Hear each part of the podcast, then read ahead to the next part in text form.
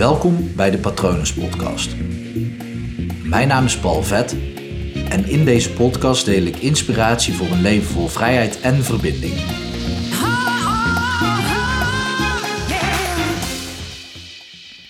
Je kunt je verleden niet veranderen, alleen de conclusies die je daar vandaag op dit moment over trekt. Laat ik eerst het eerste van deze zin uitleggen. Tenminste, dat behoeft eigenlijk geen uitleg. Je kunt je verleden niet veranderen. Er zijn best wel wat mensen die in hun verleden blijven graven. Maar door het graven in je verleden verander je je verleden niet. Dat gaat gewoon niet meer.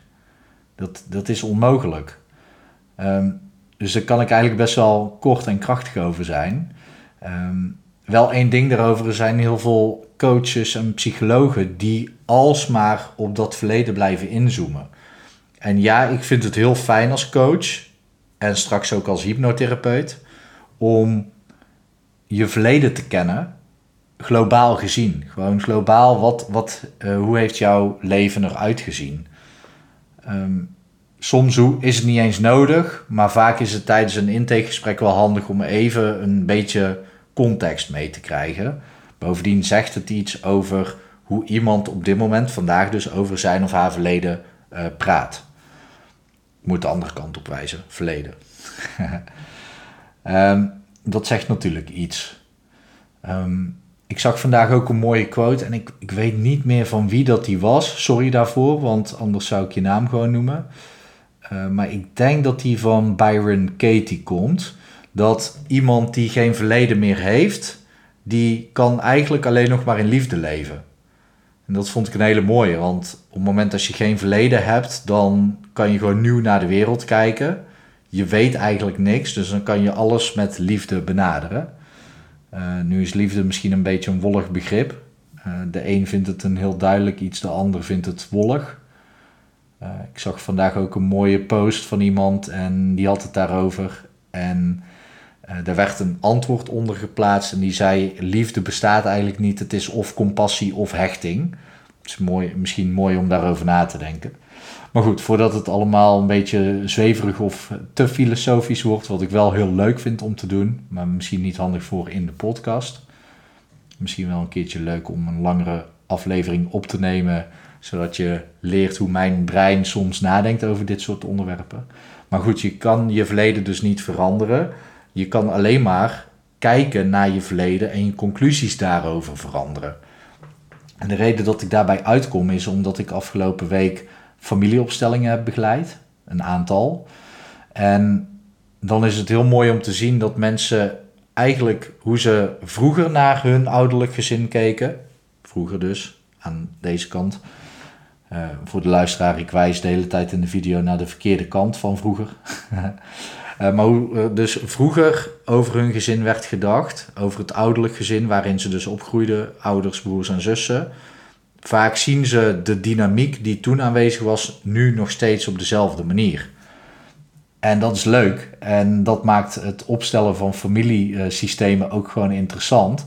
Want op het moment als ik dat beeld dus ga aanpassen in het hier en nu, dan ontstaan er eigenlijk in het systeem van de persoon zelf uh, ja, ontstaan veranderingen, waardoor zij op een andere manier naar hun ouders en broers en zussen gaan kijken. En wat dan het gekke daarvan is, is dat de ouders, ja, en eigenlijk is het heel logisch, maar het is misschien magisch of wonderlijk, hun ouders en broers en zussen opeens anders op die persoon gaan reageren. dat heeft er alles mee te maken dat het een perceptie is van hoe zij hun verleden in hun hoofd hebben, hier vandaag in het nu. Want als je echt sec gaat kijken, is er ook alleen maar nu. Er is geen verleden en er is geen toekomst. Er bestaat alleen maar nu, de rest is gewoon onzeker en onduidelijk. En dat, dat maakt het heel krachtig, want op het moment dat jij dus je conclusies over je verleden kunt veranderen, dan verandert er echt iets heel moois. Zo heb ik heel lang bij mezelf gedacht dat mijn moeder mij geen liefde kon geven. En dat klopt, zij, zij kon mij geen knuffel geven. Op die manier um, ja, was ze er niet voor mij. Dat kon ze niet. Zij heeft binnen haar leven alles wat zij kon voor mij gedaan. Om mij een fijn en gelukkig leven te geven. Wie ben ik dan om te zeggen, zij kon mij geen liefde geven? Zij kon mij niet knuffelen, maar dat is iets anders dan dat zij op haar manier alles voor mij heeft gedaan en alle liefde heeft gegeven.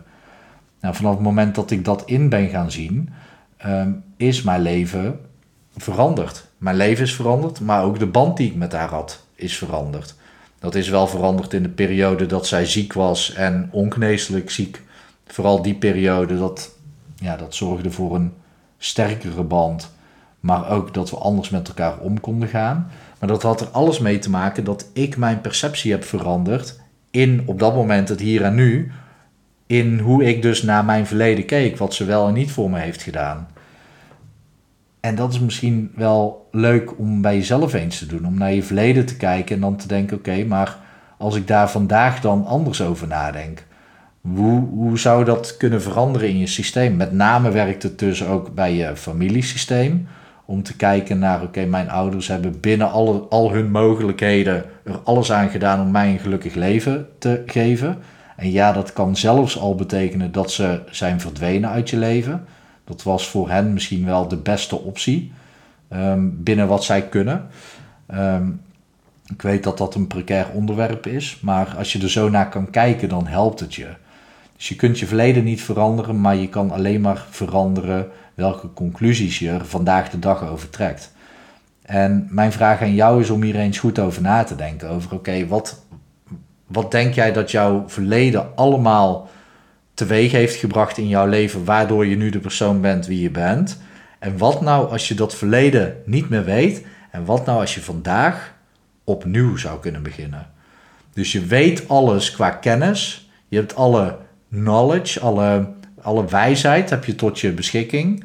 Ehm, je staat ook gewoon in het leven waarin je nu staat. Dus je hebt de financiële middelen die je hebt, je hebt de relaties die je hebt, maar je hebt geen verleden met die mensen. Um, je voelt wel opnieuw liefde voor die mensen, want alles wat bij je hoort komt terug. Dus ook voor je vrienden. Maar wat als je nou vandaag gewoon opnieuw zou kunnen beginnen? Een schone lei, je verleden doet er niet toe. Hoe zou jij dan naar jezelf kijken in de spiegel? Wie ben je dan? Waar sta je voor? Wat zijn de keuzes die je maakt? En dat is een hele krachtige oefening om te doen. Ehm, ik heb deze, eh, deze oefening eerder gehoord van Ilko de Boer. Die heeft hem ook wel eens voor zichzelf gedaan en heeft daar ook een podcast over opgenomen. Ehm, hij zegt, ja, wat als je nou gewoon opnieuw zou kunnen beginnen? Gewoon, alles is hetzelfde, alleen ehm, er, zijn geen, er is geen last meer. Er is geen hechting meer aan dingen. Dus je kan weer vanuit een vrij oogpunt vandaag kiezen voor, oké, wat doe ik wel en wat doe ik niet? En waar wil ik naartoe? Hele mooie oefening. Je moet er wel echt even de tijd voor nemen. En niet, uh, niet bedenken van, hé, hey, dit is leuk wat ik nu hoor. Um, en tof, maar ik doe er nooit iets mee. Nee, neem er echt even de tijd voor. En denk er dan, als je de tijd ervoor neemt, minimaal 20 minuten over na. Pas na 20 minuten dan komen er dingen omhoog vanuit je onbewuste. In plaats van dat je alleen maar aan het bedenken bent hoe het moet. Goed. Um, ik ben heel erg benieuwd of dat je hier vragen over hebt. Ik ben heel erg benieuwd wat het met je doet.